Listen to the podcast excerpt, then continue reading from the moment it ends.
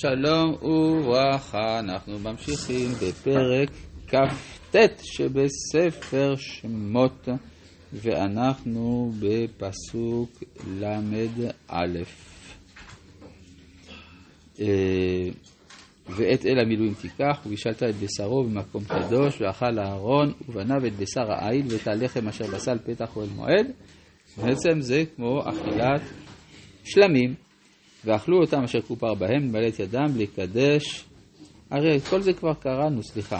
פסוק ל"ח, נכון, וזה אשר תעשה על המזבח. עכשיו פה זה התחלת קורבן התמיד, כן? קורבן התמיד שהוא קרב כל יום ויום לכל אורך קיומו של המקדש, וזה הגרסה הראשונה, כן? הרי הפרשה של התמיד שאנחנו קוראים בכל יום נמצאת בפרשת פנחס. ואילו כאן, הגרסה שבפרשת תצווה, היא אומרת כמעט אותו דבר בשינויים קלים. וזה אשר תעשה על המזבח, כבשים בנשנה שיניים ליום תמיד. את הכבש אחד תעשה בבוקר, ואת הכבש השני תעשה בנהר. מה הקורבן התמיד מציין? הוא מציין את הקשר התמידי. מה זה קשר תמידי? אז אי אפשר להקריב במשך 24 שעות. אבל אם יש אחד בבוקר, אחד בין הארבעים, זה מראה על קביעות, על תמידות. גם כן, מנורה צריך להקריב, להדליק נר תמיד, לא, נר, לא שכל הזמן הוא דולק, אלא שתמיד צריך לעשות את זה, כמו כן גם לחם הפנים לפניי תמיד. אז גם פה הקורבן התמיד הוא מראה על קשר בלתי פוסק בין ישראל לבין אביהם שבשמיים, וזה לאו דווקא כפרת חטאים, זה גם מכפר, אבל זה גם בא לפרנס את הקשר המתמיד, במובן המקורי של המילה קורבן, שזה מלשון קרבה. אז אה, למה אחד בבוקר ואחד בין הארבעים? אה, כדי לחבר את מידת היום ומידת הלילה. כן, אנחנו מוצאים בעולם שני כוחות מנוגדים זה לזה, כוח החיים וכוח היעדר החיים או המוות, והם קשורים זה לזה, כי אפשר היה לטעות, כפי שטעו כמה אה, עובדי עבודה זרה, לחשוב שיש שני אלים, אחד של חיים ואחד של מוות, אחד של אור ואחד של חושך, לכן אחד בבוקר ואחד בין הארבעים. תשאל השאלה, אז אם ככה, למה שלא נעשה קורבן בלילה? כן. מעולם לא ראינו שחיטה בלילה. למה? בגלל שאכילה מצאנו בלילה, אבל שחיטת קורבן לא מצאנו בלילה. פשוט מאוד, הקורבן עניינו להשיב אל מקור החיים.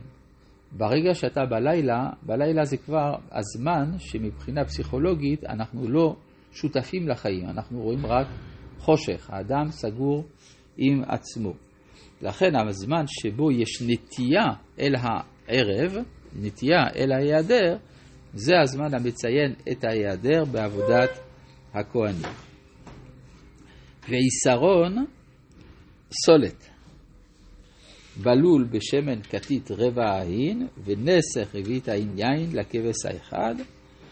זה בדיוק, זה בדיוק מה שאנחנו עושים. אתם רואים שיש פה קצת שינויים קלים. עכשיו, על כבש, לכבש יש רק כיסרון אחד. והשמן רביעית ההין, והיין גם כן רביעית ההין. שזה ה, מה שנקרא הכמות המינימלית. לעומת אה, שלושה יסרונים לפר, שני יסרונים לעיל. ויסרון לכבש. מה זה בא לומר? שאנחנו הולכים על הקשר המינימלי. יש הבדל בין קשר מקסימלי שבא לידי ביטוי במועדים, או בכל בידי קורבנות מיוחדים שהם חורגים מן הסדר הטבעי, הרגיל, מסדר הרגיל, ואילו כאן יש הסדר המתמיד, הוא חייב להיות בנוי על המינימום. ואת הכבש השני, אה, בבקשה.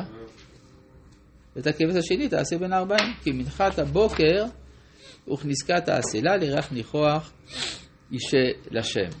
יש לציין שבספר יחזקאל, כשהוא מדבר על הקורבנות של העתיד לבוא, הוא מדבר על קורבן התמיד עולה בבוקר בבוקר.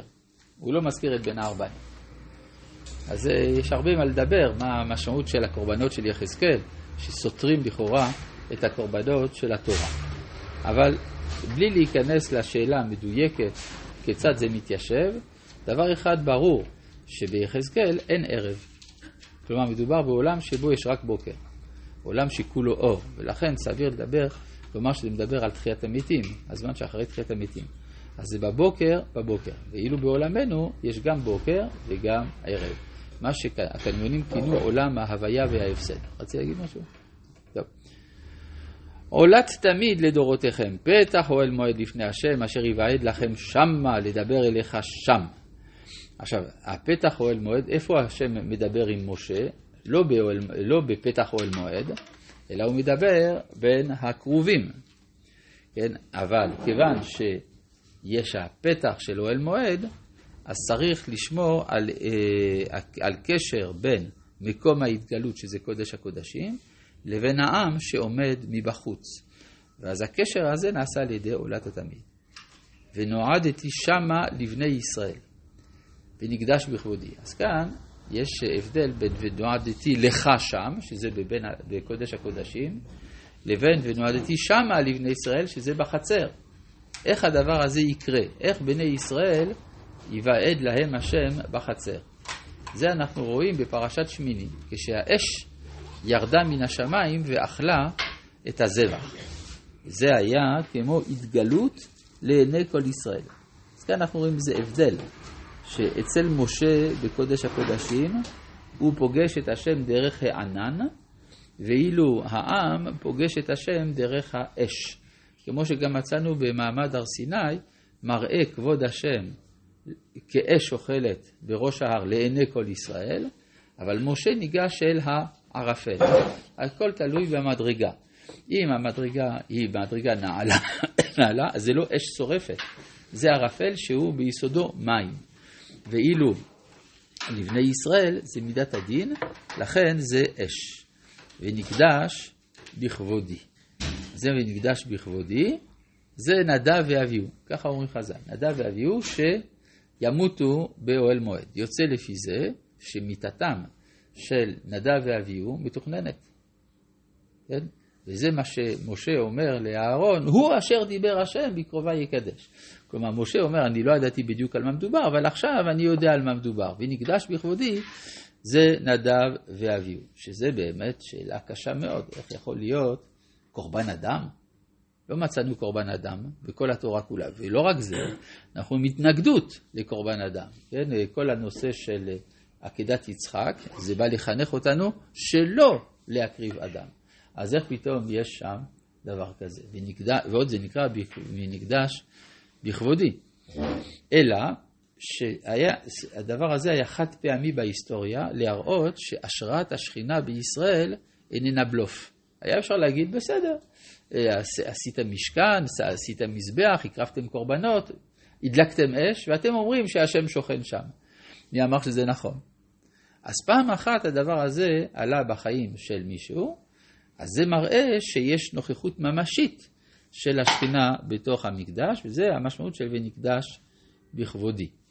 ראו את זה גם בבית שני, ראו את זה כל שנה ביום כיפור.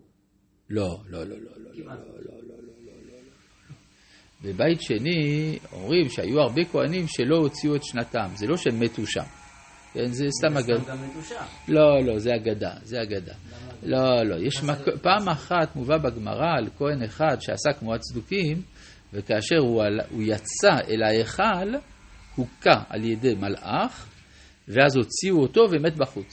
זה הדבר היחיד שקרה. אף פעם זה לא קרה שמישהו מת בקודש הקודשים. לא קרה. למרות שכולם מספרים את זה, ומספרים שיש חבל בשביל למשוך וזה, זה, זה לא. מה? החבל. החבל, אגב, איפה זה מוזכר שהיה חבל ברגל של כהן גדול? זה מובא בזוהר, זהו. לא מובא בשום מקום אחר. הגננת אומרת. הגננת אומרת את זה, אבל היא לא יודעת שזה מהזוהר. עכשיו, השאלה היא, למה בכלל היה דבר כזה? זה לא כדי למשוך אותו אם הוא ימות. זה לא... אלא זה כדי להזכיר לכהן שיש עולם בחוץ. כי הרי שמה העלייה הרוחנית היא כל כך גדולה, הוא יכול לשכוח את העולם. ואז הוא באמת יכול למות. ולכן שמים לו חבל, כמו uh, החבל של אריאנה ב... עם המינוטורוס, כן? עכשיו גם כן אה, מושכים אותו. אז uh, כדי להזכיר, לכן זה מוזכר גם בזוהר, זה לא הלכה כמובן. כן. אז זה המשמעות של, אבל מה שכן, ראו את זה בפרץ עוזה. לפרץ סוזה, כשהביאו את הארון מקריית יערים על ירושלים, גם כן קרה הדבר הזה, וזה לכן חרה לדוד על הדבר.